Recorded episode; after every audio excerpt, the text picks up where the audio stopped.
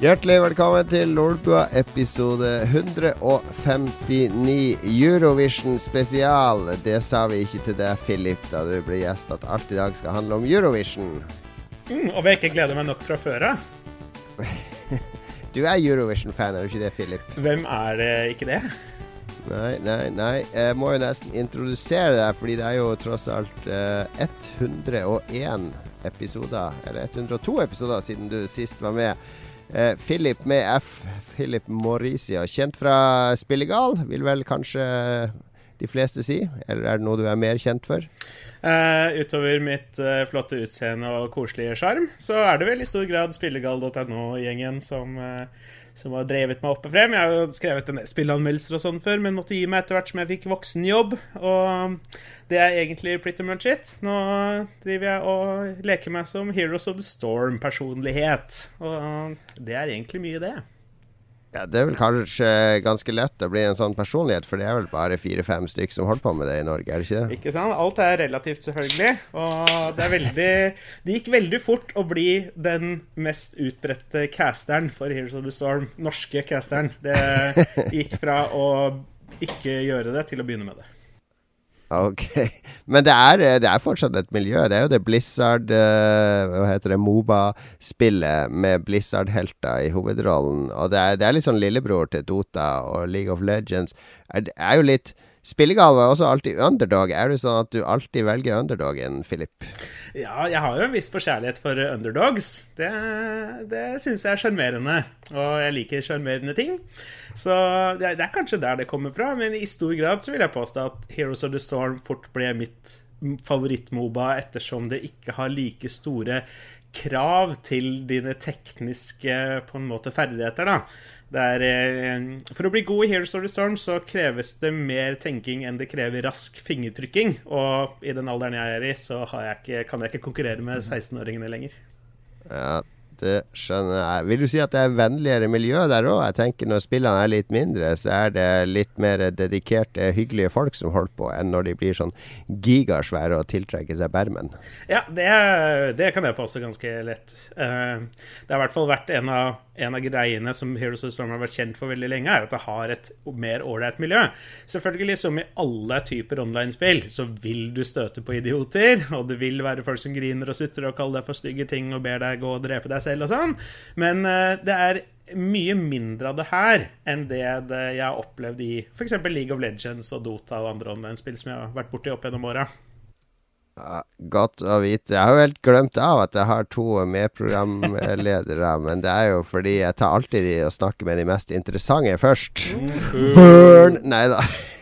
Det var, eh, var, bare rett og slett fordi det føltes veldig naturlig å snakke med Philip. Hva syns dere om intervjuteknikken min? Terningkast, Lars Rikard, du som er eh, avisblekkemann og elsker å dele ut terningkast i hytt og pine. Du er så glad i å dele ut terningkast at du til og med ofte deler ut to forskjellige til samme film, har jeg hørt. OK, du er flink til å prate i dag. Jeg si god energi, koselig, fin intervjuteknikk. Ikke, noe galt med talerør. Du hadde ikke trengt meg og eh, Magnus i dag, faktisk. Så jeg tror kanskje jeg bare skal stikke om ikke så lenge, for å være helt ærlig. Det var jo et informativt og ryddig intervju. Ja, du ja. truer med å stikke, for du har fått besøk av din bror, som skal være der eh, en ukes tid. Ja, han drar på lørdag, så jeg er borte i morgen. Så ja. Jeg har bilen, og jeg må stikke. Ja. Jeg kan ikke være på hele sendinga. Men jeg er her enn så lenge. Jeg er sikker på at lytterne gråter allerede. Uh, Magnus, du også, har også veldig begrensa tid, for du uh, må legge deg veldig tidlig, for du skal jobbe i morgen tidlig. jeg, jobber, jeg, jobber, hver dag nå, men uh, Oi, ja. oi, oi! Ja, ja, ja, full jobb. Nei, um, ja, jeg skal opp ekstra tidlig i morgen. For i morgen er det pitchrunde med spillsøknader. Som ikke du er til stede på denne, denne gangen, Jon Cato. Nei, heldigvis. Heldigvis. Når, ja, da skal du være der til ni, da. Ja. ja. Det er kjempetidlig. Nei da, men uh, det er jo uh, Det er noe sånn. Det er noen sånne kongelige uh, bursdaggreier som foregår, som har sperra halve sentrum. Og, så jeg tror det blir litt sånn omstendelig å ta seg rundt i Komme seg, komme seg frem. Å gå til Filmens hus fra det, altså 600 meter? Ja, men altså, det foregår nede på Operaen, som er liksom min, eh, min Det er enda nærmere. Nei, nei eh, ja, det det, dette er uh, kongegreien. Foregår visstnok på Operaen, Ah. som er min logiske altså, logiske de- rute. Hm? Hvis du, hvis du får noe som helst problem med å spasere forbi operaen, så, uh, så skal eh, jeg kjøpe deg en kasse brus. Som Altså- Mickey Mouse pleier å gjøre. Ja, det er bra. Uh, altså, Det spørs jo om de kommer til å prøve å få meg til å ta med finlandshetta jeg skal på meg når jeg går forbi der. Så det blir jo spennende å se. Og bombebelte. du eh, vi, skal jo begynne med en sånn hjemmelekse i Lolbua denne Ja. uka. Uh, kan vi Altså kan vi begynne med en challenge òg? Så du challenge i morgen du skal ha på deg finlandshette og en sånn svær, klumpete ryggsekk, og så skal du løpe forbi mens du roper og skriker. Ja, eh, må jeg rope ting på arabisk, eller holder Ja, det li, det trenger ikke være arabisk, men det var litt sånn ha-ha-ha-lyder. Sånne Ja, skarre ja. Bare, bare sørlandsk, rett og slett? Ja. må bare skarre på r-en. Jeg har jo sett på YouTube, det har sikkert dere sett òg, at uh, det er en del sånne pranksters som går ganske langt. Altså som går og, og smekker til uh, svarte i USA, da. som ser litt badass ut. Eller Ja. rapper telefonen deres og løper bort og sånn. Så, sånne ting som kan få deg drept. Jeg, jeg, jeg blir litt sånn nervøs når jeg ser noen av de eh, på YouTube. på Ingen forståelse for de som driver med det. det er, jeg blir, blir kjempenervøs bare å se på det. Det er jo litt Ja. jackass i 2017, da. Til en viss Ja, det, det, ja, det er det. Det er litt sånn YouTube-jackass. Ja. Men Det er bare et tidsspørsmål før noen blir drept Da. det. Jeg så en nå nylig som gikk rundt og tok siggen til folk. En dude som står, sitter og røyker, ikke sant. Så bare ta den rett ut av handa di, og så tar seg et trekk mens han løper av gårde. Det er Men det er ikke, er- er det er ikke tyrkisk han der som er så sinnssykt drøy med de pranksene sine. Som typisk setter fyr på avisen til folk og liksom tar kaffen til folk og kaster i trynet på dem. Og, uh, han er sånn ordentlig, ordentlig drøy mot alle. Det finnes sånne lange, typisk sånne YouTube-videoer som går på rundgang hele tida. Um, jeg lurer på om han er tyrkisk, han der som driver det. Det er langt, langt, langt over streken. Ja, det er Eh. unektelig et, et sært fenomen, og jeg syns det er rart. Og Mm. jeg er mye yngre enn dere, så dere må jo synes det er helt fjernt. Ja, for oss Ja, vi, er, det det vi er rett før vi skriver leserinnlegg i Byrunden i avisen og klager på denne ungdomstendensen. Så gamle er vi. Men er det noen av dere som har prøvd Jeg prøvde jo det ultimate pranken da jeg var ungdom. Eh, ikke ungdom, da jeg var barn. Nemlig å ta en, en hyssing og binde til en lommebok, og så legge på veien, Ja, ja. og så gjemme seg i noen busker. Ja, Og så dra den lommeboka ut. Er det noen av dere som har prøvd det? Jeg var faktisk, vi, vi gjorde det faktisk da jeg var liten. Ja, jeg har prøvd det. Jeg har aldri Men da var vi veldig små da vi prøvde det. Vi gjorde noe annet med hyssing som var veldig kult. For det Du vet, det er mange som har sånne pynte, sånne her bankegreier på døra si. Uh, Mm. sånn til pynt. Mm. Uh, og den, det gjorde vi i gata vår når vi var små, var at vi festa hyssing i de. Og så sto vi liksom sånn 100 meter unna og banka på døra. Eh, det var kjempekult. For det, de skulle liksom være lure og gjemme seg bak døra. Så akkurat når du banka på, så åpna de opp døra. Så var det ingen der. Ja, Genialt. Du da, Lars, var ikke du noen prankster? Eh, Døppe sånne tamponger i vann og hive de på ruta når det er sånn 20 minus. Tamponger? Ja, ja. Hvor fikk dere tamponger fra? Det var å stjele fra mødrene. Så det er litt søstre. Ja, Hvordan visste du om tamponger når du var Er det her, det her er jo tenår? Det Du er ikke- du jo tenåra når du lærer om det, da. Nei, Den var jo tydeligvis vært arva, for det var oppe i Kirkenes før jeg flytta hit. Så det var i sånn Det var sikkert sånn ti år ish, tipper jeg. Ja. Yes. Så Ja, hadde du så også lekte ta med tamponger som tiåring, Lars. Det, Det var jo Det var veldig moden oppe i Kirkenes på den tida. Ja. Så hadde du òg festet tråd i en, en uh, sugekopp som du satt på et vindu. Så kunne du spille sånn musikk på den, og så hørtes det ordentlig godt inn i stua. Uh, gå rundt med fjernkontrollen til TV-en hjemme og se om er du skifte kanal på, hos naboen og sånn. Var Den er kul. Det, jeg kan bare si, det var dritvittig. Jeg så eh, Da vi var ganske små, vi var sånn, sånn 12-13 år gamle, og da på TV så var det sånn der NRK Gullruta-program som spurte sånne norske familiekjendiser om sånne pranks de gjorde da de var unge. Og da Viggo Sandviken fra Vazelina Bilopuggers fortalte jeg at eh, jo, det de gjorde, var at de gikk masse kids inn, så løfta de biler, og så satte de biler på lekablokker. Sånn at når de gikk ut og skulle starte bilen, da, de som satte seg i bilen, så, så var liksom ikke hjulene var ikke nede i asfalten, så de bare sto og spant. Og eh, vi gjorde det. Alle kidsene i gata gikk ut og gjorde det med naboen sin bil. Løfta hele bilen og satte den på lekablokker. Og, eh, havna i avisen da, fordi vi ødela hele understellet for dødsmye spenn. for det. Så det er eh, ikke folk som hører på dette, ikke gå ut og bruk våre pranks i virkeligheten. Det er en dårlig idé. Philip, da, du har vel pranka litt? Eh, Er det fordi jeg er mørk? er det Tok det liksom syv minutter ut i sendinga før det første rasistkortet ble spilt? Ja, ja. Ja, det er ikke det siste. Nei. Jeg har mange rasistkort i ermet.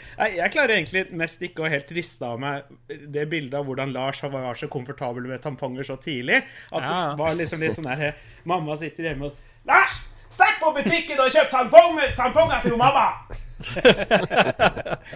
Ja, Var, var, det litt, var det litt sånn det var?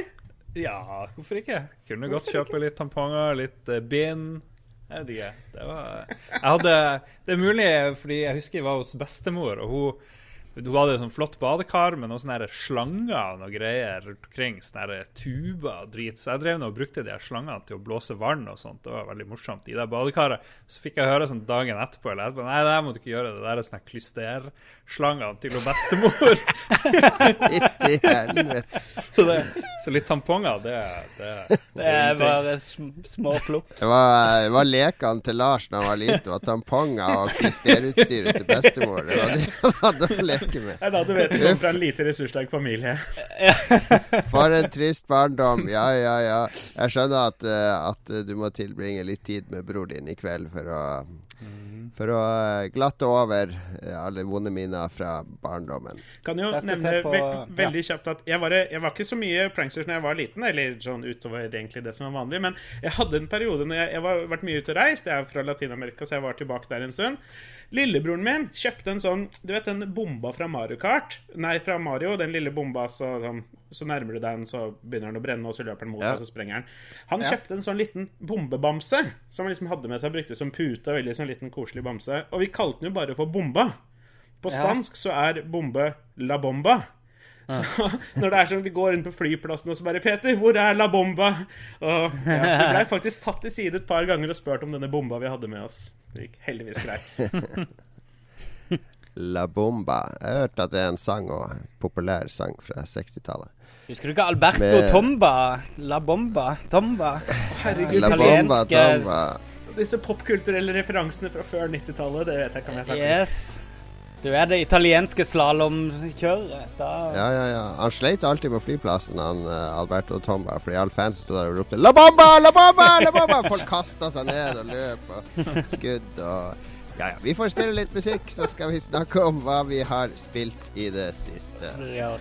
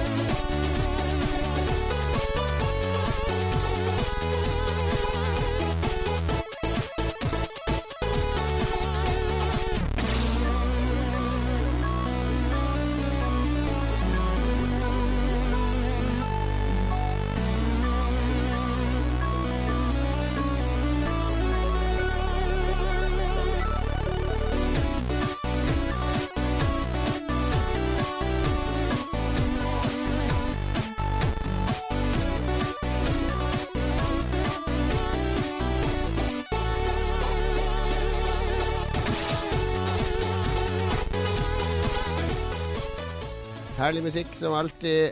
Lars, eh, travel uke på deg, Lars. Seminar og besøk. Og har nettopp hatt besøk av meg og, og kona mi og barna. Det var vel gøy å få huset fylt med barnelatter og, og løpende føtter. Det var veldig gøy. Så var det veldig gøy når det ble eh, hva det heter, eh, sånn her kamp med de her pistolene, de der eh, Nerf-gunnene.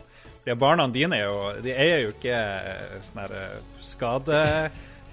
De forstår seg ikke på ting som kan skade folk, så de kom sånn én meter unna deg og skjøt deg rett i trynet, inni kjeften og på- sikta på øynene. Men Du ser så, ro du ser så rob robust ut, vet du, Lars. Ja, du gjør det. De bare gjemte Ja, de hadde seg bak noen uh, Det var dagen vi skulle dra, så hadde de noen sånne her, eh, nøye planlagte uh, overfall i stua, da, der de drev og gjemte seg og tok dekning og sneik seg inn. Og så kasta de noe sånn lue og pute og sånn som en distraction. Og så bare hoppa de opp og så bare pum, pum, pum, pum, pum, pum, pum. Fløy de der uh, Nerf-pilene overalt. Og vi lå jo på sofaen og hylte. Ja. Uh, det var ganske skummelt. Det er litt eng det er litt angstfremkallende, de greiene der. Ja, du blir jo Du får PTSD med en gang. Det skal bare én skyteepisode til. Selv med Nerf Gun så blir man nervøs. Jeg kan tenke meg at hvis du er skikkelig bakfull da, og så ligger på sofaen bare åh, Og så kommer det inn sånne fem karer med sånne Nerf-maskingevær og peprer løs på deg. Det er en ganske kjip opplevelse. Ja. Har jo blitt overfalt her under sending av uh, vår venn Jens Arthur, som ville skyte en ja, det er sant. Det husker jeg godt. Vi skal snakke om hva vi har spilt i det siste. Vi har jo rukket å spilt litt av hvert uh, den siste uka. Magnus, du kan jo begynne. Du har uh, Uh, skrev opp tre spill, men som vanlig så må du velge ett. Jeg vet ikke om ja. Lars, skal du snakke om Pray? Du har spilt litt Pray? Jeg har spilt litt Pray. Spilt mer enn uh, Magnus spilte forrige uke. i hvert fall. Ja, da kan Magnus ta et av de andre her. Jeg tenkte å være wingman til Lars i dag når han snakker ja. om Pray. Um, ja, det kunne være. Tingen er at jeg har spilt uh, ikke sant? Jeg har spilt altfor lite denne uka som har gått. jeg har et pågående prosjekt jeg kanskje kan snakke om da Sånn at jeg i hvert fall snakker om noe. Et pågående prosjekt. Det å se Skam? uh, ja, sammen med det. Bare dette er faktisk noe jeg gjennomfører. ok. Uh, og det er et spill som heter uh, Tesla Effect. av Tex Murphy Adventure. det var mm -hmm. et kickstarta Eller det var en kickstarta oppfølger til denne Tex Murphy-serien. Uh, de kjenner jo til Under Killing Moon og Pandora Directive og, ja, disse her. Veldig uh, morsomme blanding av FMV og litt humor og pek og klikk på ja. 90-tallet. Det, mm. Ja, det var det første liksom sånn der eh, first person uh, point and click-spillet, tror jeg, som havna på markedet. Og ja, det er en slags sånn dystopisk uh, fremtidsvisjon med masse mutanter og uh, en haug med CD-skuespillere som spiller det. Ja. Og det er sånn noir-detektiv-greie med en eh, ganske morsom antihelt i hovedrollen. Ja, det, det, er vel Chris Jones som spiller han, altså han som var spillskaperen, og som var Tex Murphy i de opprinnelige spillene. Ja, det stemmer nok. Mm. Ja, det har jeg spilt. Eh, jeg begynner å nærme slutten på det nå, faktisk. Eh, det er utrolig tro mot de originale spillene, på godt og vondt. Alt ser ut som det er lagd i 3D-studio av en som har hatt 3D-studio Max i ca. fire måneder. Så eh, liksom Du må pixelhunte rundt i enorme områder etter gjenstander som noen ganger ligger litt sånn gjemt under gulvplankene og eh, Altså, hvis du har lyst til å ta eh, eh Ta eh, Tesla-effekt på noe, så, så er det lett å ta rundt seg og finne noe å kritisere det for. Men det er mye mm. hjerte i det. De har henta tilbake mange av de gamle skuespillerne. Det er supermye referanser til tidligere spill. Ganske morsomme puzzles, unntatt når de er totalt umulige. uh, og uh, ja uh, Grei nok handling. Det er ja. Er det, men er det sånn som uh, Timbleweed Park er jo sånn ren retro-nostalgi. Eller ikke ren, men det er veldig Det flørter veldig med pek-og-klikk-sjangeren, som var grafisk og, og interface-messig mm. og sånn. Er det her en flørt med den der FMV-adventure-sjangeren? Føles ja, det liksom som de, et 90-tallsspill i dag? Det, det, føles 100 som et 90-tallsspill i dag. Men ja. jeg tror ikke de er like selvbevisste på, på hvorfor Eller på, det er ikke like mye glimt i øyet på svakhetene i spillet, tror jeg, som, som det er i, uh, i Thimblewood Park. Så men, men det, det, er veldig genuint Tex Murphy, i hvert fall. Anbefaler mm. å sjekke det ut. Jeg tror det er kjempebillig. Sånn som, sånn som, jeg har ikke spilt de tidligere spillene, og jeg har relativt dårlig tålmodighet. Ja. Er dette noe for meg? Tingen er at uh, du, du, må belage deg på å se en del film med veldig dårlige skuespillere, der noen av de Altså, uh, du er liksom konstant på leiding etter en person som, som, uh, som var med i de tidligere spillene. Og en del sånne gjenstander du finner, er liksom bare rene vink til tidligere spill. At du kan ikke plukke det opp, eller noen ting, men hvis du klikker på det, så får du se noen videoer fra tidligere spill. og sånn. Men i bunn og grunn så Nei, du trenger ikke ha spilt det for å sette pris på det. men Eh, eller spilt de tidligere, men jeg tror det hjelper, for da husker du hvor dårlige de gamle var, og du, du skjønner litt hvilket, hvilke toner, hvilket nivå du skal legge deg på når du spiller de, da. Det tror jeg. Mm. Så det er nok mest for nostalgikere. Jeg, jeg vil tro det hjelper å ha spilt de. Har du spilt uh, eventyrspillene Amazon Guardians of Eden? Eller Countdown? Nei, ikke som jeg For kan de er komme på. også uh, skrevet av Chris Jones, som er Tex Murphy, og som har skrevet Tex Murphy-spillene. Så uh, vet du det. Er noen obskure adventure-titler du kan uh, jakte ned, Ja, fett. Magnus. Fett, fett. Eh, jeg kan ta mitt spill. Jeg har spilt både Tumble Seed på, på Switch, men det har ikke spilt så mye. Litt kult indiespill. Men jeg har spilt år unna Spaceplan, som er det store nye mobilspillet som Lars tipsa meg om mens jeg var i Harstad.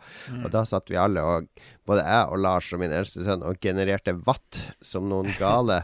uh, Spaceplan er laga av en dude i England og broren hans, og gitt ut av Devolver Digital. Og Devolver pleier å være veldig flinke til å, å snuse opp eh, litt kule, originale spill som mm. har eh, både attitude og Ja, som tilbringer kanskje noe nytt, eller noe Mm. artig til spillandskapet, føler jeg, da. Uh, Devolver-spill er nesten alltid verdt å sjekke ut. Og hvilken sjanger er det de eh, bringer noe nytt i her, da? Ja, Spaceplan, der, det er et eh, såkalt eh, Hva kalles det? Co-clicker? Cookie-clicker-spill. Det er et Ja. spill der du har én knapp på skjermen som du kan trykke på, og da genererer du én watt med strøm. Eh, men så kan du bygge ting da som hjelper deg å generere strøm. Du er i orbit rundt en planet. Det er Mm. sånn det begynner. Veldig enkel grafikk, veldig pen og ren, estetisk, sånn matematisk vakker eh, grafikk. Eh, det er fysikkbasert. Det er basert på Stephen Hawking-teorier. Så du er i bane rundt denne planeten, og så må du få strøm for å bygge opp systemer og skanne planeten og lande osv. Uh, så man lager forskjellige systemer som genererer strøm, også systemer som genererer strøm mens du er borte, så du kan slå av spillet, og så går du tilbake en halvtime etter, så har du masse strøm å leke deg med. Fett. Uh, Det høres Ja, jo men helt sinnssykt ut. Hvor Ja, finner jeg dette det her? er, Wow! det er et uh, artig narrativ der det er åpenbart inspirert av The Martian og litt sånn anna Er det en story som foregår her? Ja, det er en story her. Det er det som er Ah. kult. Det er et narrativ som går, du går igjennom. Eh, og du har forskjellige mål du må oppnå for å komme deg videre i narrativet. Og så skjer det ganske mye kult, da. Det kan jeg røpe. Jeg skal ikke røpe hva som skjer, men det eh, Du får en avsløring under planeten, og så er det masse du må gjøre, og noe racing. og og den slutten er Jeg vet ikke om du har runda det ennå, Lars. Ja. Men den sl slutten er kjempebra. Det bør spilles med lyd. Veldig bra sci-fi-lyd og, og uh, elektronikamusikk. Og den slutten er eh, i hvert fall vel, ganske inspirert av en av uh, favorittregissørene til meg og Lars. Uten at jeg jeg skal røpe noe mer enn det. Nei, den, den er eh, den, Men det er et artig lommespill. Givende, memorabelt, minneverdig osv. Koster 33 kroner eller noe sånt. Er det kun en knapp du skal trykke på? Er det hele gameplay i spillet? Ja, du kan switche mellom forskjellige skjermer, og så velge sånne ting du skal bygge, da. Men ellers så trykker du på en knapp. Du styrer ikke noe direkte. Ja, det er litt sånn synkronisering etter hvert, men uh, Ja, det er faktisk litt Det tar det litt en walking simulator. Nei, det er ikke det. Har du aldri spilt cookie-clicker-spill? Jo, jo, jeg skulle til å si det. Jeg spilte en del eh, Bitcoin Billionaire på, eh, på Android. Eh, jeg spilte det overraskende lenge, som er mer enn en Ja. time.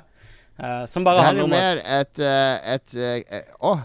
nå, nå, nå skal vi trademarke. Ring Patentstyret. Okay. For du har pek-og-klikk-eventyr, men det her er et klikk-eventyr. Hva syns dere om det? det? Klikk-eventyr. Klikk, adventure. Spaceplan. Ja, ikke pek og klikk, det er jo oppskrift. Bare klikk. Du må PG for å klikke, må du ikke det? Strengt. Ja, eh, ikke, ikke, ta, ikke begynn. Trykk og klikk. Ødelegg. Slutt å ødelegge! Vi hadde noe vakkert. Trykk og klikk. Nå var- Der vi har vi- den du skal nå Det min konkurrerende patent. Tar det, det, tar, det lang, tar det lang tid å komme gjennom denne liksom Nei da, story-delen av nei spillet? Tre, tre spilletimer cirka, men gjerne et par dager fordi du genererer litt strøm mens den er av og sånn. Fordi du gidder ikke sitte og vente på OK, jeg skal ha 200 milliarder watt. Så da skal jeg sitte og trykke 100 000 ganger, så jeg får det fortest mulig. Da kan jeg si OK, jeg, jeg venter en time, og så har jeg 100 milliarder watt, og så venter jeg en time til. Men uh, ja, Philip, hva skal du promotere ditt favorittspill nok en gang? Vi må, Ja. vi må ta meg først, for så, så må jeg stikke. Eh, er OK, Lars, da. jeg må hive meg inn. Jeg Se, Lars hater Heroes of the Storm så mye at han bare Åh, det gidder jeg i hvert fall ikke gjøre på. Ta meg først, så kan jeg gå. Tror jeg er like greit, for jeg kan snakke om det i en halvtime. Så go, Lars. Oh. Vær så Det god. var mer sånn Å, Philip er gjest. Da har jeg plutselig ikke tid. Så nei da. Det er I love you, man. Uh, love you too, Eh, Lars. love Jeg har spilt det der Prey, og hørt, fikk jo ikke sånn kjempegira og veldig lyst til å spille det da jeg hørte Magnus forklare hvordan det var i forrige uke. For det var liksom Nei. Ja, jo, ja, det var litt sånn Det var ikke noe sånn unikt, hørtes det ut som. Ikke noe sånn veldig unikt med det spillet. Nei, Og jeg tenker kanskje litt sånn fremdeles. Um, det som er mest gøy jeg kan jo, vi, Bare for å refreshe folk Du er oppe i verdensrommet. Det minner litt om Bioshock. Minner litt om Half-Life. Hva det var du sa, Magnus? Du hadde en sånn bra Eh, Deus Ex. Det er jo seks var der. Ja. Ja. Um, det som er kult, er at jeg en, jeg plutselig oppdaga at jeg har hatt en sånn romskip, romfartsuke. For jeg har sett romfartsdokumentar på Netflix om Mars-ekspedisjonen. Uh, jeg har spilt det her Space Plan, som Jon Cato nettopp uh, nevnte. Og så har jeg hørt litt på eh, Neil deGrasse Tyson sin Star Talk. Og så har jeg spilt Prey, som også er i verdensrommet. Og hvem skulle tro at eh, å, å lese og høre og finne andre referanser skulle berike spilleopplevelsen? For det gjorde den her. For plutselig, så okay. i, i veggen på Prey, så ser du han JFK. eh, John F. Kennedy, som ble drept i 1963, eller hva det var. Eh, men var den som liksom satte i gang det her eh, i USA, og sørga for at eh, USA brukte 4% av bruttonasjonalprodukt eh, i stedet for 0,4 som de gjør i dag. Sant? Det, det her Mars-programmet til USA har nesten ingen sjanse for å bruke så lite penger. Men i Prey så døde aldri JFK, og derfor er du nå oppe i verdensrommet i en sånn fantastisk eh, romstasjon med masse utvikling, eh, samarbeid med russerne. De verken eh, Det var vel flere russere som ikke ble drept, og ikke JFK, så liksom det er en helt annen fremtid. Og en veldig sånn logisk forklaring på, eller litt mer plausibel forklaring på hvorfor det ser litt sånn eh, 60-, 50-, 60-tallsaktig ut. Eh, og vi er i verdensrommet med mye bedre teknologi enn vi har i dag. Så det, det var en litt sånn fin opplevelse. Det følte at de har liksom gjort hjemmeleksa si, de her Bethesda eh, Arcane Studios, de som lagde Dishonored. Så det er vel det jeg har tatt mest med meg Um, i, men, i den der eh, opplevelsen at ja, ok, kanskje det er sånn vi hadde hatt en annen fremtid hvis JFK ikke hadde dødd. Ja. Uh, men uh, hva kan du si om selve spillet? For jeg spilte det jo veldig kort. Jeg spilte jo bare demoen forrige gang. Um, noe, noe inntrykk av liksom um, du, påpekte at eh, combaten er ganske svak det, gjorde du ikke det? At, Jeg hater å slåss, ja. Hittil så Ja. har jeg møtt tre-fire ulike fiender, og ingen av de jeg liker å slåss mot. De du møter først, er sånne monster som bare hopper og spretter overalt og er umulig å treffe. I hvert fall med min, uh, min konsollgreie. Det er heller ja, de sånn De små blekksprutene. De små blekksprutene. Og du, ikke- du kan ikke liksom sikte nedover siktet ditt heller. Du har siktet ditt der og ansiktet ditt er her, liksom ved siden av hverandre. Så det, nei, det er Ja. mye som gjør at det er Hvis, vanskelig. eh, hvis et førsteperson- førstepersons skytespill åpner med å in introdusere headcrabs som den første fienden, så slår jeg av. Det gidder jeg rett og slett ikke. ja, det er litt De sånn. er nesten som headcrabs. De er det. ja. Jeg Ja. hater det. Jeg hater det? de er små, raske Hvis de kommer med en gang, ja. I Half-Life 2 så er jo det helt klart det svakeste i spillet. Er jo det headcraps, headcrabs. De er så lett De er bare irriterende. Ja, De er så bare irriterende. Det er bare når de skal ta og hoppe, eh. Forlenge lengden på spillet. Ja, ja. Men de er, men, de er er- plagsomme som faen. Men um, også er verden eh, ganske tom enn så lenge, for min del. Veldig mye exploration. Så hvis du elsker exploration, hvis du liker å åpne skuffer og skap, så er det her en greie. Og hvis du liker å se kunst, for det er mye kunst i det romskipet du er i. Så det er litt sånn matematisk-aktig mye, eller sånn fraktaler og jeg vet ikke, geometri Men du, du spiller jo på eh, PS4. Har du merka den der eh, voldsomme input-leggen som vår sjef Gusta dokumenterte her om dagen i gruppa si? Mm, ikke like mye, men det er liksom ikke sånn supersmooth. Det er det ikke. Men jeg er ikke, jeg er ikke sånn Det er ikke et Bortsett fra i slåsskampene, det er ellers og dem er det ganske sjelden, så er det liksom ikke noe sånn actionspill. Det er mer gå rundt og labbe sånn her Bioshock-ish. aktig. Men ja. Nei, det, det, Hvorfor bruker de den Bioshock-stilen? Jeg skjønner ikke det helt. Er ikke det veldig oppbrukt? Uh, Nei, det er markedsavdelinga. Jeg har sett at det, det selger, så Du mener storytelling gjennom uh, omgivelser? Nei, at alt ser ut som verden estetisk slutta på 50-tallet. Og oh, ja. 60-tallet. Eh, Fallout, Fallout, var vel det som begynte med ja, det. Men Bioshock er jo en synder der. Men viktigste er det audiologs. Jeg vil ikke, jeg nekter å spille hvis, ikke, kan, hvis ikke folk går rundt og så tar opp stemmen sin sånn herre Ja, nei, du har du vært på jobb, og skifta du passordet på PC-en min? Ja da, ja da. Nå er det store pupper er bra.com eh, er passordet mitt. Ja ja, og så må jeg huske Ja, det er e-poster, ja. Det er sykt mye terminaler, og det er du må ha hacking-skillen hvis du skal få med deg halvparten av det som skjer. Nei, Og så er det mye gnukk med skills. Jeg vet ikke, jeg er ikke helt solgt på det her spillet. Må bare innrømme det. Mye gnukking. Ja, disse spillene er jo helt avhengig av at du blir investert i verden. Og, og du likte jo verden. Føler du deg investert nok til å fortsette utforskinga? Spørs, spørs, spørs. Eller var det bare en kode som uh, Markus Legler sendte ut i limbo? ja. Det var egentlig en kode ut i limbo. Nei, det kan godt hende jeg blir Jeg må spille mer. Jeg kommer ikke noe endelig dom. Det er veldig mye jeg okay. liker, men eh, det, det, er liksom ikke terningkast. Hva du liker da? Mm, jeg vet ikke. Jeg vet ikke. Jeg liker ingenting. Bilde av JFK. Nei, det, jeg synes, trodde jeg sa at jeg likte noe. Det er jo ja. det er bra stemmeskuespill. Jeg syns historien er veldig bra, sånn sett. Ja. Det er jo det som, er, det som fenger. Og så ser det bra ut, selv om det skriker Bioshock for meg. da og så tenker jeg øh, jeg er litt lei det gullforgylt. Alt er gullforgylt. Veldig mye glass med sånne her, mm. eh, paneler i glassene og liksom den stilen der, da.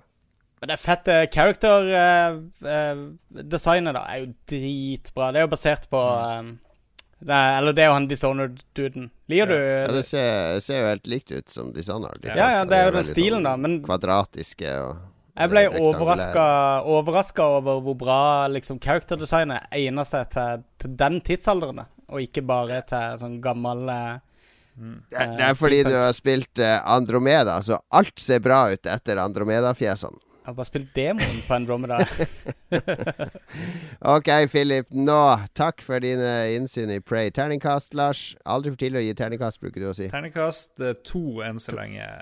En sterk toer. Okay. Meget. Et meget bra spill, men med store mangler. Takk for den. Uh, Philip, la oss få høre siste nytt fra Hots. It's, si, getting, uh, it's getting hots in here, som det heter. Jeg tror kanskje jeg har slått den vitsen på en cast eller to tidligere. Men, uh, men ja, det er jo dette er Heroes of the Storm, som er, um, som er det jeg driver med, først og fremst. Som var du spilt siden sist? Heroes of the Storm, pretty much. Um, uh, som Lars uh, nei, som Jon Cato nevnte tidligere, her så er jo det et Moba i samme stil som League of Legends og Dota, men uh, med et på en måte allstar-lag av Blizzard-figurer fra alle de forskjellige universene deres. jeg har spilt mye League of Legends, jeg har spilt en del Dota, men Heroes of the Storm det er kanskje fordi jeg har vært World of Warcraft-nerd i mange år, litt sånn som Magnus, at jeg har ja. falt ekstra for, for, Heroes of the Storm. Jeg vet ikke helt, men det er noe ved det som gjør at, eh, at jeg, det er det det går i, i veldig stor grad. Og i tillegg så så kan du ta det med en gang. Jeg, jeg hoster en podkast for Heroes of the Storm. Selvfølgelig gjør du det. Ok, Kom igjen. Plugg, plugg. Plugg, plugg. Den er på, no på, engelsk, men den bør være godt forståelig for de fleste. Jeg poster en link til Reddit-tråden for eh, årets episode i eh, Nei, for måned, ukens episode i chatten her, så kan de ta seg en tid. Ja. Det heter Slothcast. Uh, slott, som i dovendyr på engelsk. Ah. Um, så det er bare til å søke opp den på YouTube eller lignende. Det er dessverre ikke for nybegynnere. Det er uh, hva, hva, legger du i det? En, uh, veldig ofte så når man er helt ny til et spill som et Moba, så er det en del ting man bør på en måte vite, som hvordan det å samle experience fungerer, hva som kan være lurt å ta en titt på, hvordan forskjellige helter virker og sånn. det finnes det allerede podcaster for. Ja, så vi har forsøkt å finne en nisje for de som allerede har spilt spillet, har skjønt hvordan det fungerer, ja. men gjerne vil bli flinkere.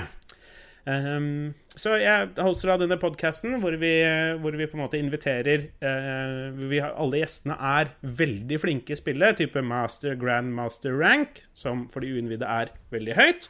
Eh, og så snakker vi litt sånn teori rundt spillet, da, på en måte, men prøver å holde det eh, ikke så tørt, sånn at de fleste skal kunne på en måte både synes det er interessant, men samtidig lære seg noe. Um, så det går jo med mye tid til det, eh, så jeg anbefaler alle å sjekke ut det. Det har vært en ganske god start med en del flyttinger, og Reddit-tråden er på frontpagen på subredditen for Heroes of the Storm og sånn, så det er artig. Eh, og når jeg ikke spiller Heroes of the Storm, eller driver med podkasten til Heroes of the Storm, så caster jeg Heroes of the Storm. Selvfølgelig gjør du det. Eh, Da kaster du på norsk. eh, da caster jeg på engelsk. Oi, da ja. Eh, selv med min gebrok gebrokne norsk-latino-engelsk, så Har du latino-engelsk? det det det latinoengelsk? Sier du mang? eh, eh, ja, det, ja jeg, det, er liksom, det er noe i genene mine som bare det popper ut Ja, en gang iblant.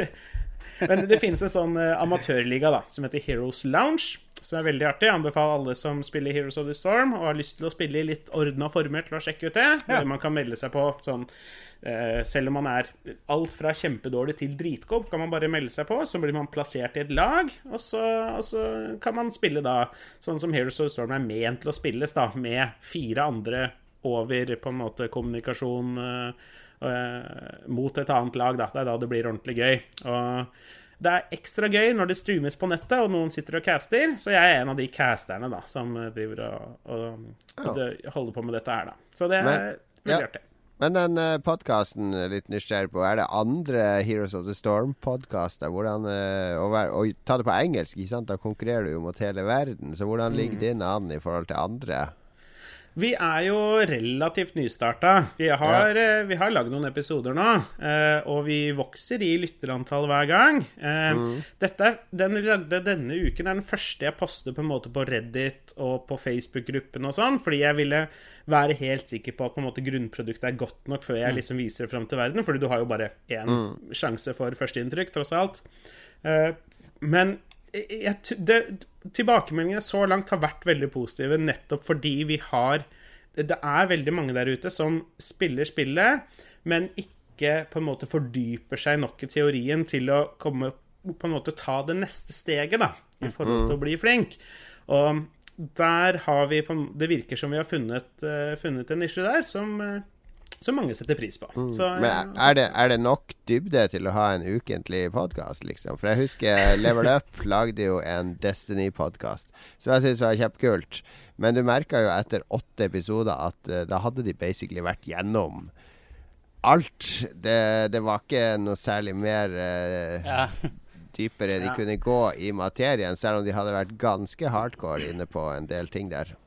Ja. Jeg var litt nervøs for det i begynnelsen, faktisk. Um, type sånn, hvordan skal, jeg, hvordan skal jeg holde dette i gang? Hvordan skal jeg sørge for at det er interessant fra uke til uke? Hvordan skal vi fylle den timen med tid som vi har satt til å sikte på hver episode?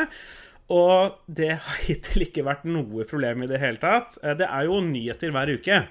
Ja. Og det, denne uken her var en ganske var en uke hvor det skjedde relativt lite i Heroes of the Storm. Eh, men vi klarte likevel å fylle 20 minutter ganske lett med å snakke om de få nyhetene som er. Ja.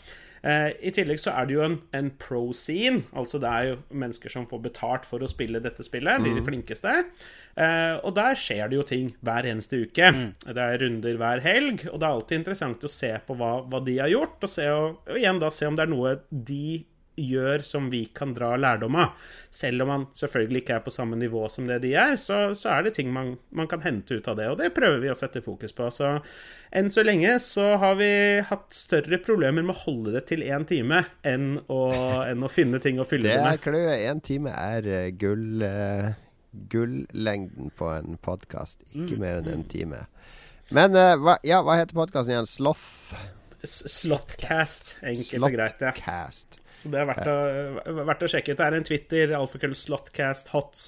Eh, søk på YouTube og sånne ting. Så det er, det er mulig å finne. Og ja, jeg er, eh, jeg er lett å finne hvis det skulle være hva som helst man, man lurer på i forhold til det.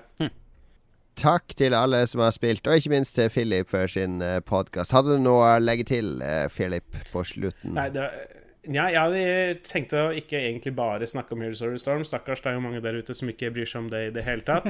Eh, jeg har spilt to, jeg, det er to andre spill jeg har spilt i det siste, som ikke er Heroes of the Storm. Okay. To gamle spill. Ja, Du må velge ett. Jeg har spilt Witcher 3, Oi. som jeg ja. spiller når jeg, ikke, når jeg har lyst til å bare sitte i sofaen. Ja. Eh, det spillet er jo digert Ja, og utrolig bra, så jeg nekter å legge, meg, legge det fra meg før jeg er helt ferdig.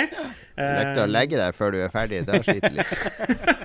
Ja, uff, nei, da Skal ikke sove noe. eller Eh, barbere deg før du har spilt igjennom The Witcher 3. Nei, ja, det er jo et fantastisk spill. Jeg vet dere har snakka mye om det her på, på podkasten Ja, tidligere. så jeg må liksom. Slenge meg på hvor fantastisk det spillet er. Det er jo helt utrolig. Og så bryter jeg reglene og nevner andre spill òg. Jeg testa Doom, som kom i fjor. Syns det var kjempedårlig! Å nei, jeg spilte på PlayStation, da. Nei, jeg spilte på PC. Fordi, jeg, jeg spilte på, fordi jeg, at jeg, jeg har lagt mye penger i å ha en PC som er Ja, veldig teknisk god. Så tenkte jeg jeg tester Doom. Det var mine venner i, i eh, Tøyen Überalles quiz-laget som Ja. ja. tipsa meg om at det må du teste.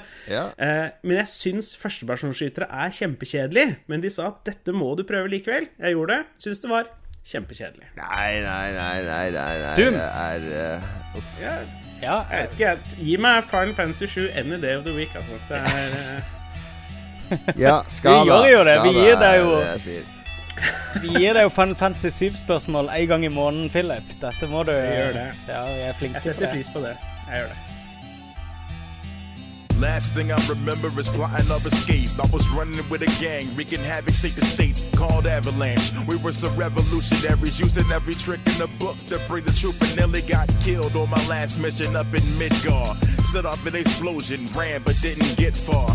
So I'm guessing the reactor blew. The blast knocked me unconscious and detached the crew. I awakened on the flower bed up in the slums, on the floor of a church, all covered in grunge. Thankful to be alive, in need of a shower and not a medic. I get up soaring, lightheaded. It was there that I met her, and her name was Eric. Body wasn't the greatest, skin wasn't the fairest. Not someone I normally be interested in getting with, but something about her aura just told me she was different.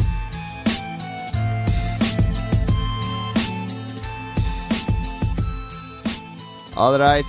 Da, Philip har uh, trampa på ett spill og hylla to spill. Uh, vi får akseptere det. Vi skal egentlig ha lytterspalten nå, men siden Lars har baila oss, så foreslår jeg vi tar den eh, neste gang, siden han er sjef for den spalten. Det er straffa hans for å uh, ditche oss midt i sendinga bare for å være med familie. Her er det barn som ligger og gråter i bakgrunnen her mens jeg sitter og lager podkast med vennene mine. Bare fordi. Lars ikke vil uh, komme på podkast. det har vel Jeg vet ikke om eh, Tror du, tror du dette her eh, samkjører med at eh, det er en semifinale i Melodi Grand Prix som begynner om ett Ja, det er det jo. Fucking hell. Og det går jo rett over på neste tema, da. Ja. Fordi en ny, ny spalte vi har begynt med i Lolbua, vi prøver jo å fornye oss, fordi vi merker jo at når vi ikke endrer på oppsettet eller rammene, så faller vi gradvis lenger og lenger ned. Man skulle tro det ikke var mulig å falle lavere, men, men vi finner stadig nye måter å dra podkasten enda mer ned i søla og gjøre den dårligere. Så derfor introduserer vi nye elementer hele tida i sånn fortvilt forsøk på å, å hale oss opp av det mørke hullet vi ofte befinner oss i. Og den nye eh, spalten har vi kalt for Hjemmeleksa. Det vil si at til hver episode så skal vi gjøre en hjemmelekse. Nå kommer det her litt overraskende på Philip. Det kan hende det er kjent for deg fra skolen det her, Philip, at du kommer på skolen og så har du glemt å gjøre leksa. Ikke vet jeg! ikke vet jeg. Er, er dette fordi jeg er mørk Det er fordi du er mørk. Come on, liksom. Rasistkort to er eh, Jeg har ikke så mange igjen. Nei da. Men, eh, men det er en ganske enkel lekse denne gangen, så vi tenkte du tok den på strak arm.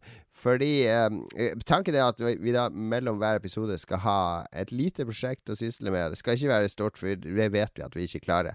Altså, involvere det noe mer enn å sitte på ræva, så er det dødfødt allerede.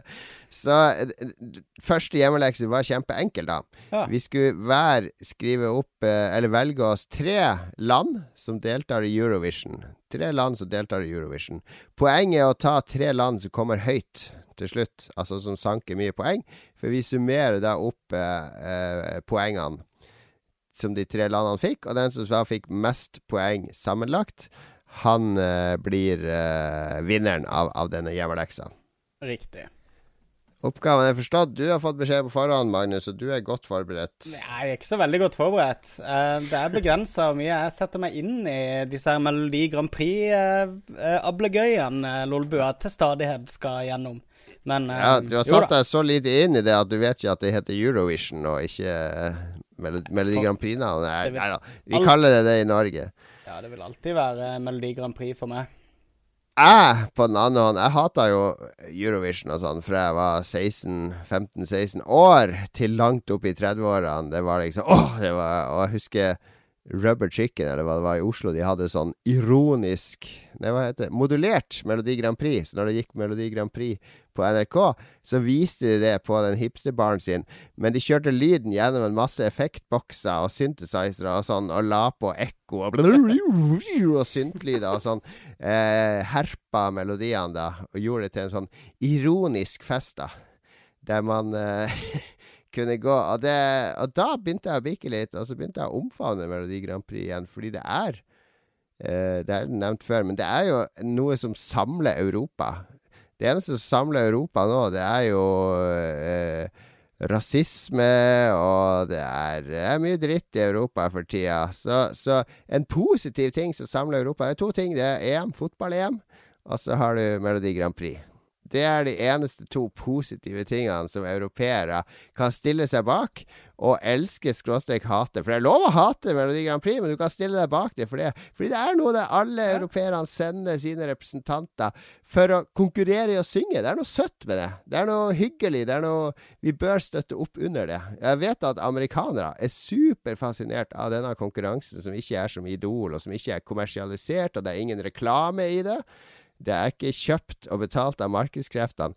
Så det er noe jeg føler vi må ivareta eh, Eurovision. Du kan hate det så mye du vil, men, men ta vare på det. Så, så vi gjør vårt her i Lolbua. Vi skal nå velge tre land hver. Jeg kan godt begynne, jeg, da. Jeg er jo den som har satt meg mest inn. Jeg har til og med hørt på noen av låtene eh, på forhånd. Wow! Jeg er helt sikker på at Sverige De har en, eh, en sånn utrolig sånn Justin Timberlake-rip-off-låt og fremføring. De kommer til å score høyt.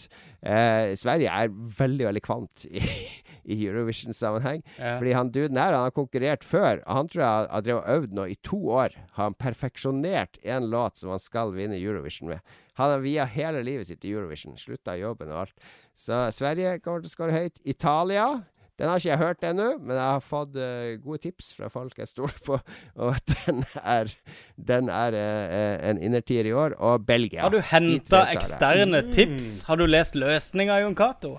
Jeg leser jo, følger jo litt sånn Eurovision-blogger og sånn på fritida. Dette her for noe? Du har, det, er, det er akkurat som om foreldrene dine gjorde leksene dine for deg. Nå, jeg Jeg sier jo at jeg er jo genuint opptatt av Euro. Jeg skal se nå etterpå. Jeg skal ned og se semifinale. Det er derfor jeg hoppa over lytterspalten. Jeg skal ned og få med meg mest mulig av semifinalen. Jeg koser meg med Eurovision. Ja, ja. Det har vært mye aktivitet på Fleksnes-brukeren på mgp.com forum slash forum i det siste. Oh yeah. Magnus, dine tre. Lars får sende inn sine etterpå. Jeg har gått for eh, de mest østeuropeiske landene jeg kunne komme på, som er Aserbajdsjan, eh, Makedonia Azerbaijan. og eh, Hva var det siste? Ja, eh, er det eh, Mener du former uh, Democratic er Former Yugoslavian Republic of Makedonia, eller hva det heter? Det heter ikke Ja, ok, Ja. du skal få Jeg, jeg tror det heter Makedonia i Norge. Det heter sånn FYD Makedonia. FYR, Ja. Fuck you and die. er det det står for? Ja. Um, Og og til slutt eh, ja, Slovenia. Slovenia. OK. ok, okay. Filip. Du skulle kanskje tro at jeg ikke kommer forberedt. Oi, oi, oi. Men så feil kan man ta. Det er nesten litt urettferdig at du sa Sverige, for det har jeg også tenkt å si. Ja, det er Jeg lov. Sverige Det er kommer lov. til å gjøre det det, gjøre det Ja. kjempebra. Jeg tror Sverige kommer til å vinne det. Ja. Det er eh, min favoritt å vinne hele greia. Heldigvis så har du ikke mine to andre, eh, Mm. hvor jeg velger å si Portugal. Ja, ikke dumt. Uh, latinoen. Og Fordi du er mørk, Philip. Det er fordi du er mørk. Ja, det er kanskje den delen av meg som snakker. Det kan hende. Men Ja. eh, jeg tror på at de kan gjøre det bra. Eh, og så må vi selvfølgelig alltid stole på våre israelske venner. Eh. Israel kan eh, de, de er alltid sterke, og de kan, eh, kan eh, veldig, veldig lett nok en gang gjøre det, gjøre det bra. Eh, for de som ikke er så interessert i musikken, så anbefaler jeg å få med meg Sveits, som er det innslaget med mest pupper denne gangen. Oh, lite jeg skal ha på eh, HDR-opptaket på Getboxen da. Lars kommer som sagt til å sende inn si, sine. Og hvis du er medlem i Lolbua Entourage-gruppa, så kommer vi til å starte en tråd der på eh, lørdag formiddag, der alle i vårt entourage da kan komme med sine tre bidrag, og så kan vi se hvem som måler seg. Sammenligne med oss og Entourage. Se hvem som blir vinneren av Lolbuas store Eurovision-konkurranse. Det var ukas hjemmelekse. Vi skal dele ut en lekse til neste uke. Der får ikke du være med, Philip, men du kan godt sende inn ditt bidrag hvis du vil. Du, du skal få en lekse du også, du kan sende inn så vi kan se på. Men uh, hjemmeleksa til neste uke er at vi tre skal tegne hverandre, da. Så jeg skal tegne Lars. Lars skal tegne Magnus, og Magnus skal tegne meg. Du Kan tegner tegne dere alle på papir. På papir, ikke på datamaskin. Kan vi ikke velge Ta vår egen måte å tegne på, da? Nei, det skal Ah. være sånn som du tegna når du var barn. Tar Ok. du bilde med mobilen, og så deler vi de tegningene i, uh, underveis i sendinga. Vi får ikke se de før sendinga, vi kan dele de i chatten vår i sendinga, så vi får se de første gang da. Så skal vi bedømme hvem som er best til å tegne de andre. Philip, du kan enten velge hvem av oss tre du vil tegne, eller tegne alle tre i et sånn herlig Ja, du må tegne alle tre. Oppi et badekar. Og så sender du tegninga til oss på, på Messenger. Riktig. Jeg tror jeg skal tegne alle like høye, men med varierende mengde hår, og så kan dere gjette selv hvem som er hvem. Det var en god idé. Um, ja, vi, vi skal kjøre opp, uh, kjøre opp bildene i uh, streamen også, så de som følger oss på Twitch eller YouTube underveis, vil få se tegningene mens vi diskuterer dem. Og hvis noen av våre lyttere har lyst til å tegne oss, så del gjerne kreasjonen i entourage-gruppa vår.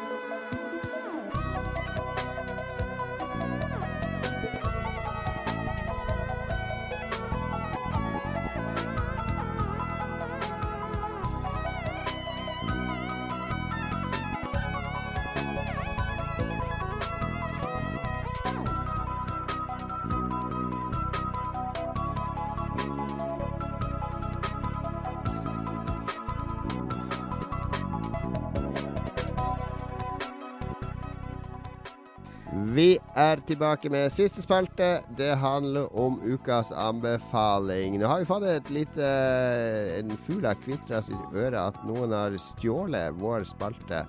En en annen norsk podkast. Ja. Nei da.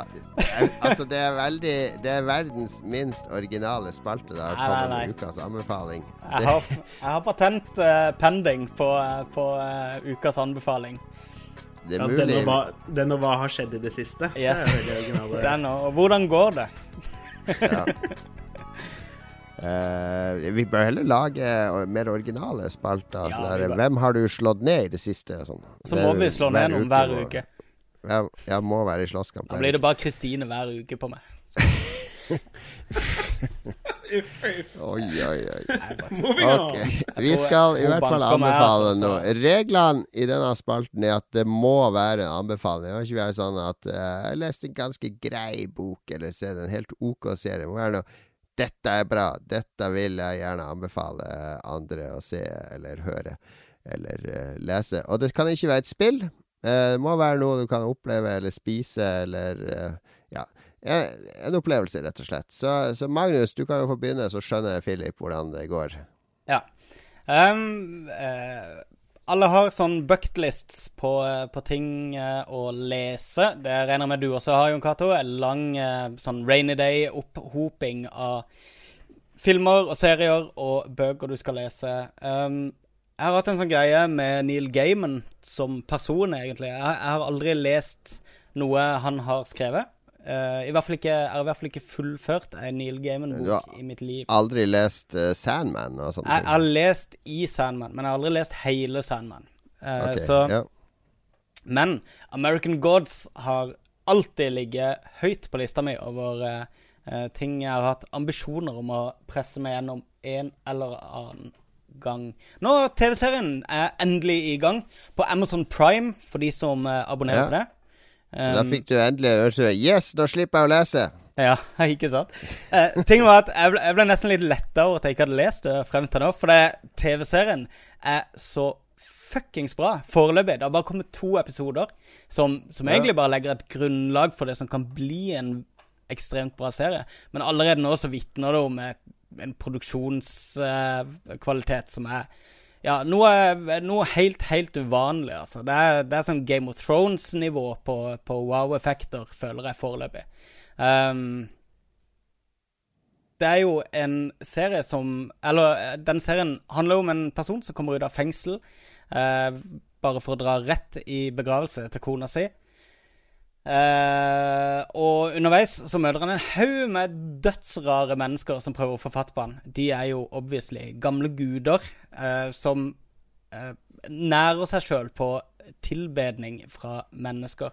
Um, foreløpig så har vi blitt presentert for en del sånn eldre guder, sånn norrøne og sånne ting. Jeg skal ikke spoile for mye. Men, men eh, også nye guder har dukka opp, som teknologi og eh, TV er jo en, en, nå en, en av de eldre gudene, da.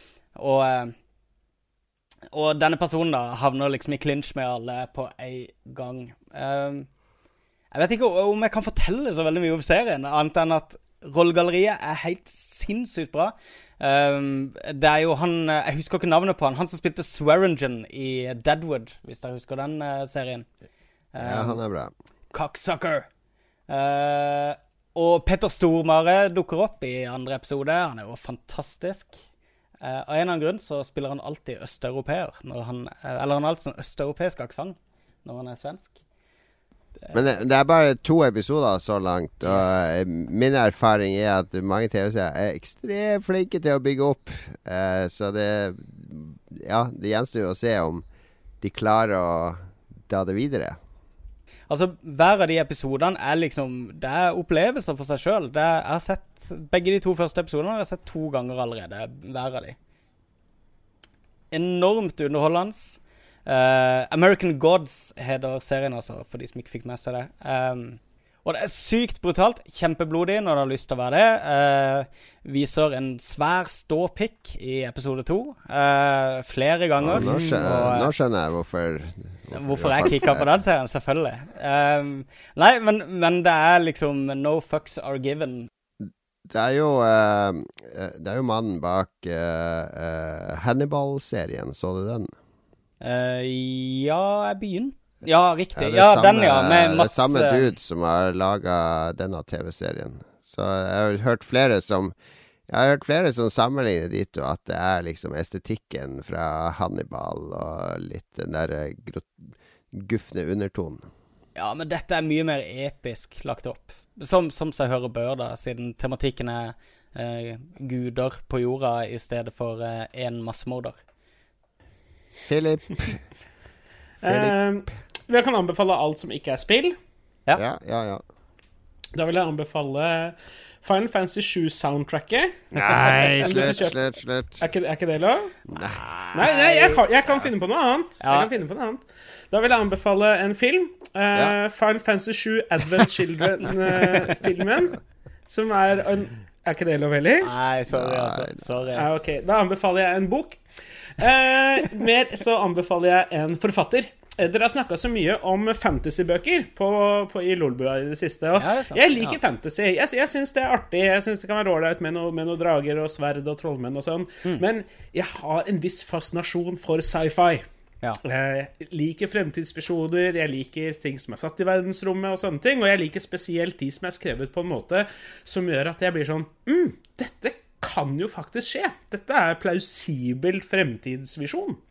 Um, og den, eh, han som er min favorittforfatter innenfor den sjangeren, heter Peter F. Hamilton. Han har skrevet en del forskjellige typer eh, bøker innenfor denne sjangeren. Gjerne det som kalles for space opera, fordi det er så det er omfattende. Ja. Eh, mens min favoritt er The Commonwealth Saga, som er da en, en lang rekke med bøker, mange tusen sider. Um, Eh, men, eh, men er da et, en fremtidsvisjon, et univers, hvor eh, det er da på en måte ja, en historie som utspiller seg i en fremtid lenger frem, hvor mennesker har utvikla seg, utvikla genetiske løsninger for evig liv, for å gjenfødes, etter hvert for å downloade seg selv inn i en sånn gigantisk type hva skal jeg kalle det, tenketank, holdt jeg på å si. Hvor man, okay. ja, det, det er en del Det er den type, den type fremtids-sci-fi som jeg finner veldig spennende. Og så er det jo hele møtet med andre type aliens, som selvfølgelig er godt beskrevet. Og, eh, ikke det at jeg har så mye erfaring med det selv, men det virker plausibelt hvordan forskjellige typer aliens har forskjellige typer kulturer, forskjellige typer bakgrunner, teknologiske nivåer og sånne ting. Og eh, hele greia er jo satt på en måte i et, i et veldig spennende univers med på en måte både politikk og militær og drama og personlige historier, som, som er unektelig, unektelig veldig interessant. Så hvis, du, hvis man, eh, alle Lolbua-lytterne der ute har lest opp på all sci-fien som er blitt anbefalt her de siste episodene, og ønsker å prøve noe litt annet som er minst like bra, så anbefaler jeg å lese litt sci-fi, og da gjerne Commonwealth-sagaen av Peter F. Hamilton. Er det ei bok eller er det en serie? Commonwealth-sagaen? Det, det er en serie. Hvor mange bøker er det? Mange er det? Du begynner med to, eh, og så som på en måte er to stykker i én, og så er det tre til, som er selve liksom trilogien. Okay. Og de fem er de mest sentrale, og så er det én eller to sånne prequels som man kan lese først, hvis man på en måte ønsker å ordentlig fordype seg i det, da. Men, Så en, det en trilogi i syv deler, med andre ord. en trilogi i ca. syv deler, ja. Ja, det det høres høres ekte ut. omfattende ut. Men uh, sommeren er til for å lese Ja, ja, ja. eller få ting som er bedre enn å ligge i gresset og lese bok, med mindre man er allergisk, sånn som jeg, da. Eh, men er det sånn Ja. Ja, beklager. God sci-fi, Philip, for meg i hvert fall, det er noe som lærer meg noe om meg sjøl, eller oss sjøl. Er det, er det noe Føler du at du lærer noe Er det noe relevans for oss, eller er det bare totalt farfetched? Jeg syns det er vanskelig å lære så mye, egentlig. For jeg mener jo at jeg vet alt. Jeg veit i Ja. hvert fall ikke om noe som jeg ikke vet. Eh, Ja, det, så Spesielt i science Eh, fiction. Ja, spesielt når det gjelder science fiction. Nei. Det er, det er en del, selvfølgelig. Det, det er kanskje det som er Det er veldig interessant at du sier det, fordi etter hvert som mennesket utvikler seg, man på en måte frigjør seg fra dette jaget med å måtte samle ressurser, fordi alt det går av seg selv, så hvilke typer verdier er viktig for menneskene, og hvilke retninger beveger man seg ut i? Og i stedet for å på en måte ligge på en masse forskjellige typer trosretninger og politiske retninger, så blir det til at enten så, eller man i stor hovedsak i disse bøkene følger én av tre retninger. De som vil bare være naturlige mennesker. De som vil eh, på en måte ønsker å forbedre seg selv sånn at man kan leve evig liv. Og de som ser det på som det ytterste målet å bare laste ned sinnet sitt inn i en maskin, da, sånn at man kan leve resten av på en måte eksistensen sin virtuelt, holdt jeg på å si. I World of Warcraft. Ja. Åh, mm, det hadde vært noe, det. Ja. Nei, det hadde vært noe. Nei, det er, det er, det er veldig gode veldig gode bøker. Ja. Så det Nei, moro. moro. Jeg, jeg, jeg liker science fiction veldig godt sjøl. Jeg liker også litt sånn eldre science fiction som, uh, som for eksempel um, Neuromancer William Gibson og sånne ting, som var veldig flinke til å spå datafremtida og nettverk, internett og den impacten og hvordan eh, store eh, selskaper, globale megakorporasjoner, ville få mer og mer makt. Veldig fascinerende å se hvor, hvor flinke de var til å forutse det. Men det er veldig lite sci-fi som f.eks. klarte å spå den der selvforherligelsen vi har i dag. Den derre at alle skal selvrealisere seg og dele så mye fra sine liv. Det var det veldig få som spotta på 60-, 70-, 80-tallet, når de skrev fremtidsromaner fra den tida. Vi, for vi lever jo i Blade Runner, basically. Vi, Sant det.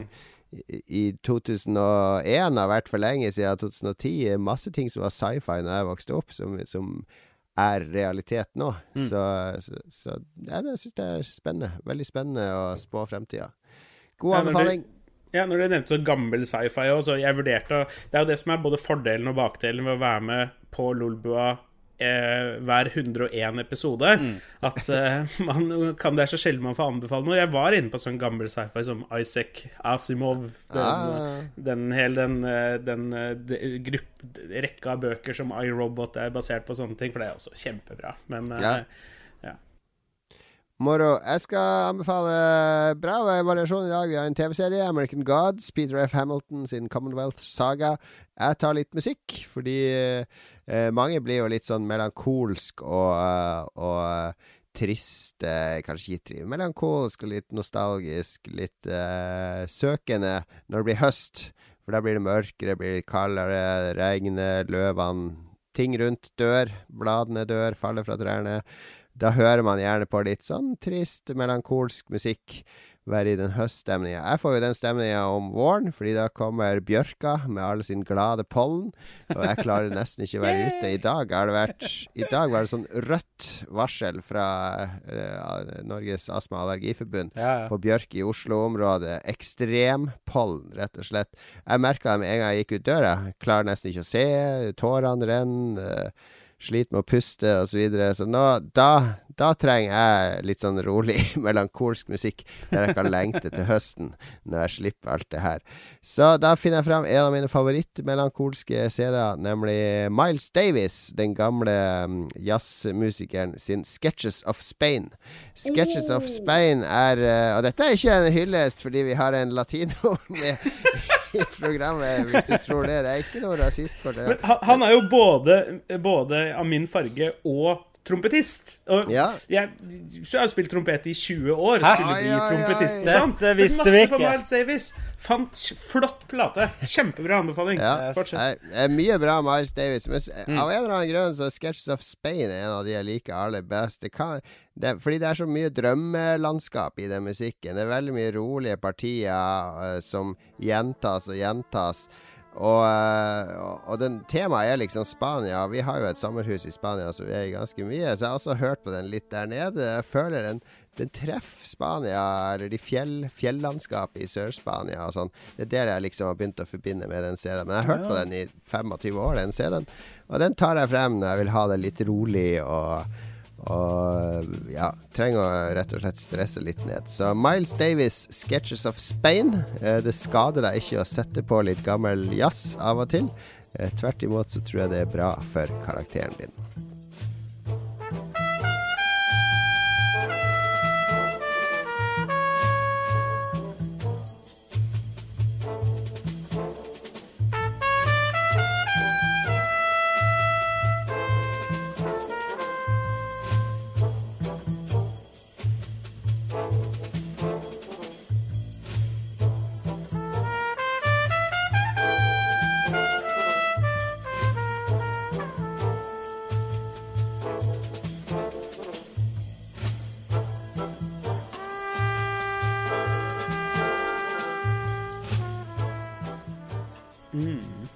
Støttes.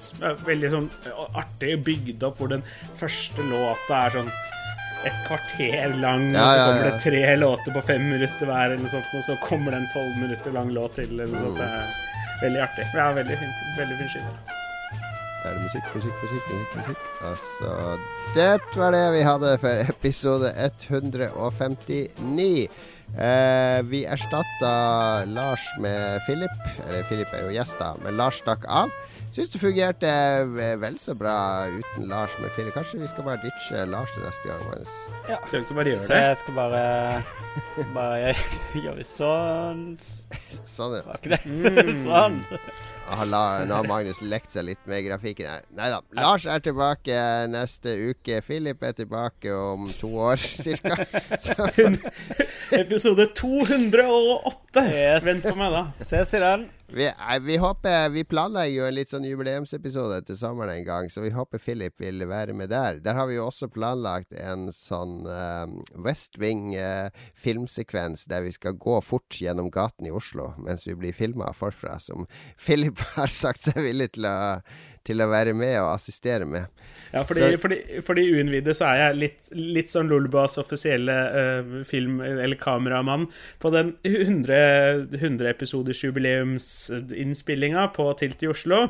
Så var det masse greier på forhånd hvor Magnus skaffa et kamera og sånn, og jeg Ja, ja. filma seks timer eller noe sånt på den kvelden. Fra liksom før vi starta, og gjennom hele sendinga og etterpå når man dro på fylla og sånne ting. Og så ble det bare skikkelig dårlig alt sammen, og ikke noe ble brukt. Lars, uh, Lars har det ennå. Jeg sendte det til han, så, så det, opptaket The lost footage. Yes, the lost vi, vi, hvis, hvis vi noen gang starter en Patrion, så skal vi ha et nivå som er så jævla dyrt. Da skal du gi 10 000 i måneden, så skal Yes. du få tilgang til 10 minutter av lost footage hver måned. Det, tror jeg, det tror jeg det er verdt. Ja, det tror Jeg faktisk jeg òg. Jeg, jeg aner ikke hva som er på den der. Jeg prøvde å se litt på det, men jeg fikk bare vondt i sjela. Nei, det går ikke. Altså, det var, hadde, vi hadde jo seks timer lydopptak fra den fylleepisoden til meg og Lars vi la ut nå i Ja, ja. påska, og det var helt grusomt å sitte og høre på. Ja, det var det. Ble bare verre og verre. Men det, det hjalp meg til å bli et bedre menneske. Jeg ble bevisst på så mye teite ting, eh, atferd på meg sjøl, som jeg har endra i ettertid. Så, Yes. så eh, det kan eh, Det anbefaler jeg òg. Ta opp deg sjøl i fylla en hel kveld, og så tving deg sjøl til å høre gjennom det dagen etter. Da skal jeg love deg at, at at du gjør et og annet. Men vi er tilbake neste uke, episode 159. Det er 17. mai neste uke, så regner vi eh, med de travle schedulene til Magnus som jobber, og Lars som har besøk hele tida, så blir det sikkert opptak på 17. mai, så jeg må droppe familieselskap og sånn. Mm. For det Å, er så en- synd. Vi får se når det blir opptak. Eh, antagelig 16. mai, håper jeg, hvis Ja. ingen skal på fest. Ja. Bra. Vi satser på det. Uh, Philip, hva er dine 17. mai-planer? I år skal jeg ikke spille noe trompet. Ehm, jeg, har, eh, jeg kjøpte en ny leilighet for ca. en måned siden. Tusen takk. tusen takk Eh, Så høyst sannsynligvis går hele 17. mai med på å pusse opp den som hver eneste dag går med på. Øh, en fridag til å pusse opp. Ja, ja. Du, kan, du vet at det er Norges nasjonaldag? Ja, men Norges Nå var det et rasisme, siste rasismekort. ja. Jeg, jeg faktisk søkte Utenriksdepartementet om å få lov til å være med og feire, men uh, Ja, det det ble ikke god. Nei, Philip, er, du får holde deg inne. Det klarer du. Klarer du den ene dagen. Må holde deg Ja, jeg gjør det. Jeg har bare bodd i Norge i 31 år nå, så Ja, ikke sant? kanskje neste år. Kanskje neste år. Takk til Philip som stilte opp. Sjekk ut podkasten til Philip eh, Slott Cast. Cast. Var det? Slott, Slott Cast. Cast. Slottcast. Sloth. Eh, engelsk eh, podkast om eh, Heroes of the Storm. Altså, sjekk ut Heroes of the Storm hvis du ikke har gjort det. Det er jo gratis, og det ligger i Battlenet-browseren din. Og uh, Mm. det er kult. Jeg har spilt det litt. Ikke, ikke mye. Men uh, jeg liker det bedre enn både Dota og LOL, for de skjønner jeg ingenting av. Hots skjønte jeg i hvert fall litt av. Helt Sweet. enig. Det er kjempe, kjempegøy. Alle bør plukke det opp. Og for alle dere der ute som må gjøre Overwatch-challengen deres, så kan dere kontakte meg for å få hjelp til det. Jeg er veldig billig. Det er Ja, det er aktuelt. Det er aktuelt. Invitation. OK, vi takker for oss. Ha det bra! Det gjør vi. Ha det bra! Hello. How is it that you know so much about Sean Archer? I uh, sleep with his wife.「ま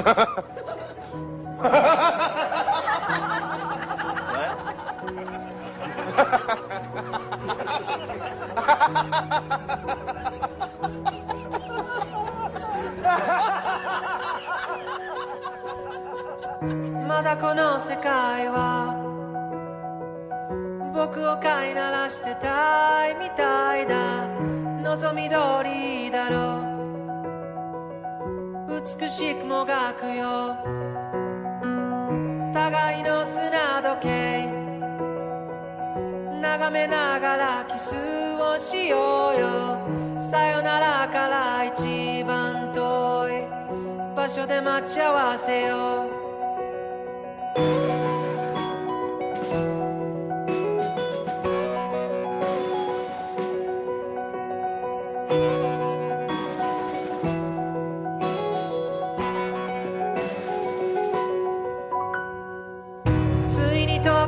時は来た。昨日までは序章の序章で飛ばし読みでいいから。こっからが僕だよ。経験と知識と考髪の生えかかった勇気を持って未だかつてないスピードで君のもとへダイブを。まどろみ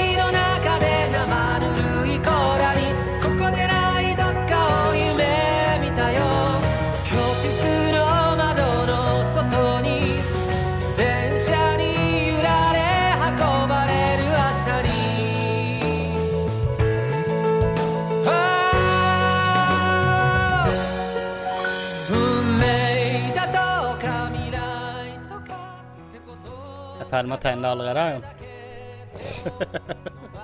Sånn. Jeg dødsdårlig litt å tegne. Ja, det er det som er gøy. da Ja, Man må tegne så godt man kan. Ja da. Det må jo være kriteriet. Man skal prøve, man skal virkelig legge sjela si i det. Jo, men eh, det betyr jo ikke at det, det skal være så veldig detaljrikt og komplisert. eh, Og Det skal være tungt. sånn at hvis du Det hadde skal ikke være en fotorealistisk gjengivelse av hverandre, skal det det? Nei, men det skal være Du må finne essensen i det, ikke sant?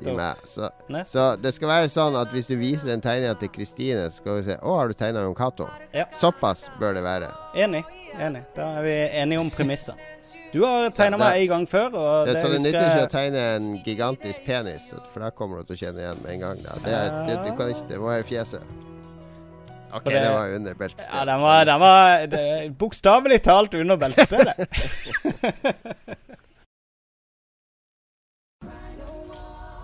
OK, Nederland. Let's do this. Tre damer. Ja, det er de som hadde tvillinger, det er søstre. What? Tvilling av tre søstre. Explain. Til søster. Tvilling-action.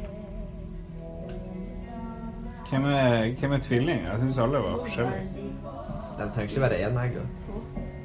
Det fins ikke noe annet enn enegger. Hvis ikke du er enegger, så er det ikke noe kult at du er tvilling. Liksom. Så litt sånn Kardashian-aktig ut. Er det her en favoritt, mamma? Ja, jeg tror det. Det er det er jo en kompetent sang, det får vi jo si, men den er jo kjedelig. Jeg liker at de sangene får 20 sekunder maks før de dømmes Jo, nordover. men så gjentas de og gjentas dem.